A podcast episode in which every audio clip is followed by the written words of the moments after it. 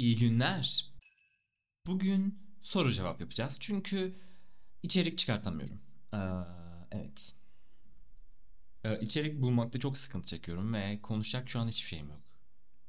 O zaman ne sikim yemeği podcast yapıyorsun diyebilirsiniz. Bence güzel olacak. Böyle mülakatta gibi aptal aptal sorular buldum. Daha önce hiç oturup düşünmedim yani. Direkt soruyu aldım ve koydum oraya. Spontane bir şekilde cevaplayacağım. Ve bu yolla da tanışmış olacağız. Bence güzel bir podcast olacak.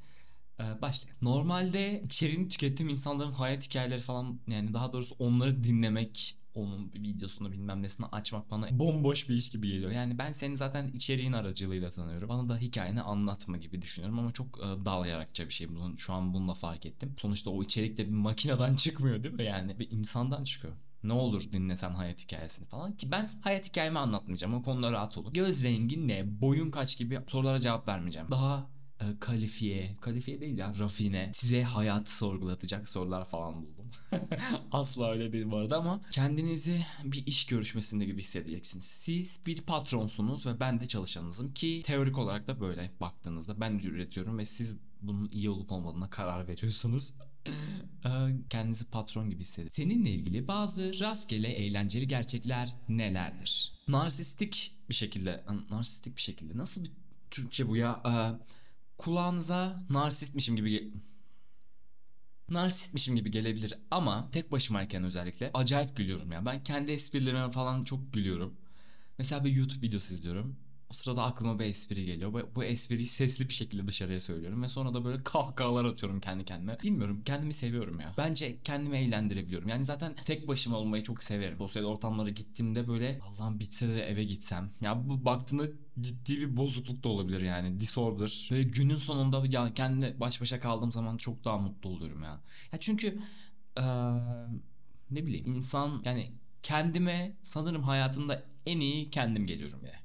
Evet çok narsistik geliyor ya bunu böyle dışarıya söyleyince ama böyle ne yapayım? Öğrenmek istediğin veya daha iyi olmayı dilediğin bir şey var mı? Var. Yaşamak. Sevdiğin bir atasözü veya deyim veya özlü söz. Nedir? Benim en çok sevdiğim atasözü şu. Genelde de bunu hayatta hep uygulamaya çalışırım.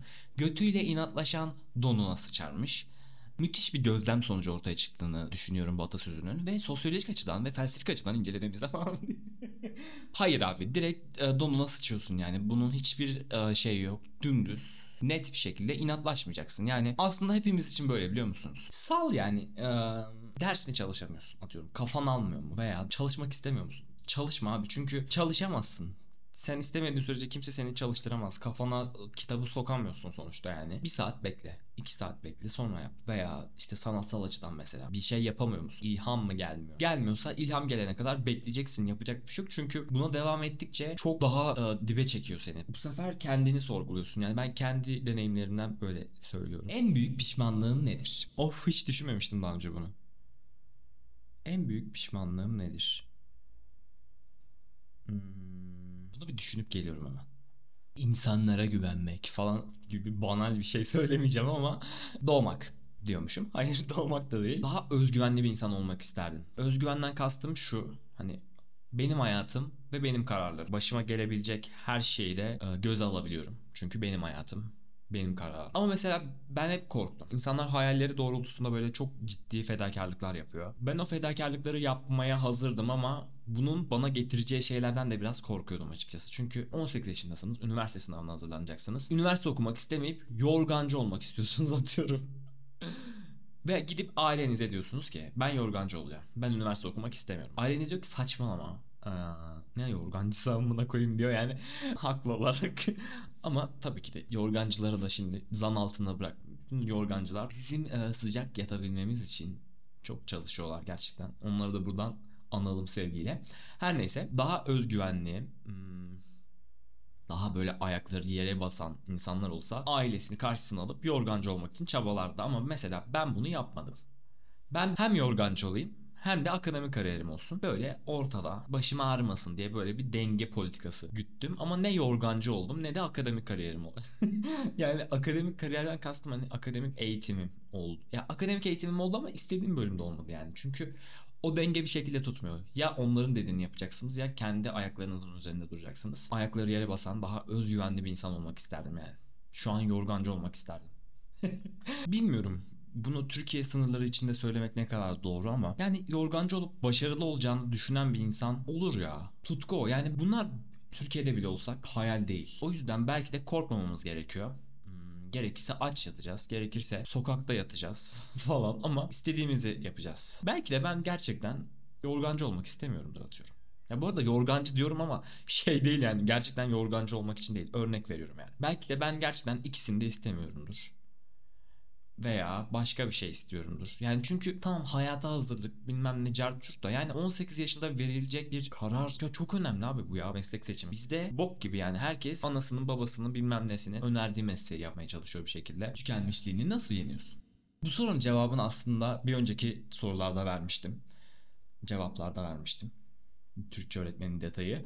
Ee, odamı başka bir şeye yöneltmeye çalışıyorum. Ama bütün her şey elimde kalıyorsa uyuyorum. Flow şarkılar eşliğinde Nina Simone bayılırım. Onun böyle bir tane canlı albüm var. Ve onu böyle dinleye dinleye uykuya dalarım. Üzgün bir şekilde böyle e, yorganı kafama çekip. Yani yaşıyorum. Bir şekilde yaşıyorum. Çünkü tükeniyoruz zaman zaman. Yani bunlar nasıl diyeyim düşmanı iyi tanıyorum. Düşmanı bir şekilde tanıyorum artık. İçinde bir sıkıntı var atıyorum. Ne, nereden kaynaklanıyor mesela? Neden sıkılıyorsun? Veya bu sıkıntı olduğu zaman ne yapman gerekiyor? Bunları iyi analiz ettiğimi düşünüyorum. Ona göre bir şeyler yapıyorum yani. Çünkü bu da var. Hüzün, üzüntü, tükenmişlik, ölüm bunlar var. Bunlardan kaçarak yaşayamayız yani. Sen kaçarsın ondan sonra ertesi gün bir bakmışsın kansersin ne bok yiyeceksin o zaman bittin yani. O yüzden düşmanı iyi tanımak lazım. Kısacası bu. Herkesin yaparken istisnasız aptal gibi göründüğü şey nedir? Yüksek sesli şiir okumak, özellikle reverb falan verip Dap daba dap daba da. Dap daba daba da do. Dap bari dap da do. Dap bara bat da da ba. Çok gıcık değil mi ya? Böyle lisede falan şiir dinletilerimiz olurdu. Böyle bayık bayık insanlar böyle siyah giyinip şiir e, okurlardı. Allah'ım gıcık olurdum artık bitse de defolup gitsem şuradan falan derdim. Bilmiyorum. Sevmiyorum. Şiir sevmiyorum. Yapacak bir şey yok. En büyük guilty pleasure'ın nedir? Öncelikle şunu söylemek istiyorum. Ben hiçbir zaman böyle bir insan olmak istemedim. Ama bal ve kaşar peynirini çok seviyorum. ikili olarak. En sevdiğim couple. Canım tatlı istediğinde ve evde tatlı yoksa direkt bal ve kaşar peyniri. Bazen çeçil peyniri falan da olabiliyor. Ama bence bir deneyin. Bu kadar. Şu anki önceliğin nedir? Şu anki önceliğim çok çalışmak. Evet çok sıkıcı. Bunu kabul ediyorum. Ama yani ne yapayım? Paraya ihtiyacım var. Çalışmak zorundayım yani. Gerçek hayattaki kahramanın dediğin ilk 3 insan. Nina Simone ve cipsi cip, cipsi bulan kişi. Evet, cips müthiş bir şey. Özellikle hamburgerli cipsi kim bulduysa e, Ruffles'a sesleniyorum buradan. Lütfen hamburgerli cipsi çıkartın tekrar. Yemin ederim stoklayacağım. O kadar çok seviyorum. İnsan düşünebilen bir hayvansa hayvan düşünemeyen bir insan mıdır? Evet hatta papağanlar da konuşabilen insanlardır. Eğer mutluluk bir para olsaydı mesleğin ne olurdu? Bu soruyu cevaplamayı reddediyorum çünkü zaten mutluluk paradır. Görüşürüz.